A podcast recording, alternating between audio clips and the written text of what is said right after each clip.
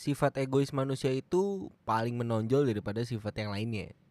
Ya nggak tahu ya maksudnya ada yang setuju ada yang nggak pasti nggak mungkin nggak karena ini kan ya sebenarnya lu sering banget nemuin kayak gini terus di mana pun itu nggak cuma di lingkungan rumah lu nggak cuma di kehidupan sehari-hari di kantor pun sering banget kan apalagi sama tim lu sendiri sama atasan sama bawahan segala macam itu pasti banyak banget yang kayak gitu. Jadi percuma kan adanya sebuah forum diskusi? Kenapa percuma? Karena kalau ngelihat orang yang kayak gini ya lu ajak diskusi lu ngasih tahu nih harusnya begini harusnya begini begini begini begini tapi nggak mau nerima. Terus juga ya dia tetap mempertahankan apa ya pemikirannya dia yang harus banget dia approve gitu loh. Sampai akhirnya diskusi ini menjadi sebuah perdebatan yang tidak penting.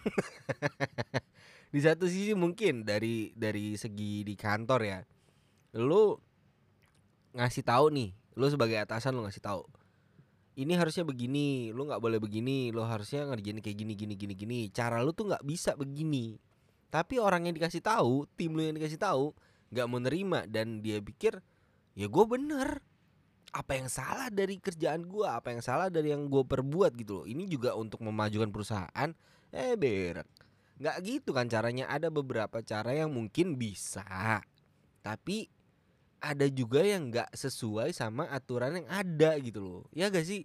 Karena ya lu tahu sendiri aturan-aturan di sini tuh dibuat ya menurut gua nggak ada beberapa yang nggak penting sebenarnya dalam suatu perusahaan dalam suatu ya begitu. Cuma nggak nggak nggak penting gitu loh. Yang harusnya itu bisa di itu dibuang aja lah. Dan bisa mungkin diganti dengan peraturan yang lebih bijak gitu ya mungkin ya. Karena ya kita lihat sekarang dengan perkembangan yang ada dan orang juga harus adaptasi dengan teknologi dan setiap orang juga harus adaptasi setiap harinya dengan kesehariannya dengan kehidupannya itu kan nggak mungkin stuck di situ-situ aja kan. Ada naik turunnya kan dan itu ada perubahan kan. Kalau misalnya nggak bisa nerima ya buat apa gitu loh.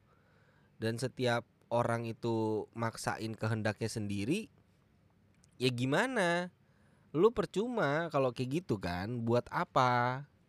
Gimana caranya lu bisa hidup gitu loh? Kenapa sih lu nggak mau maju? Ya gak sih heran saya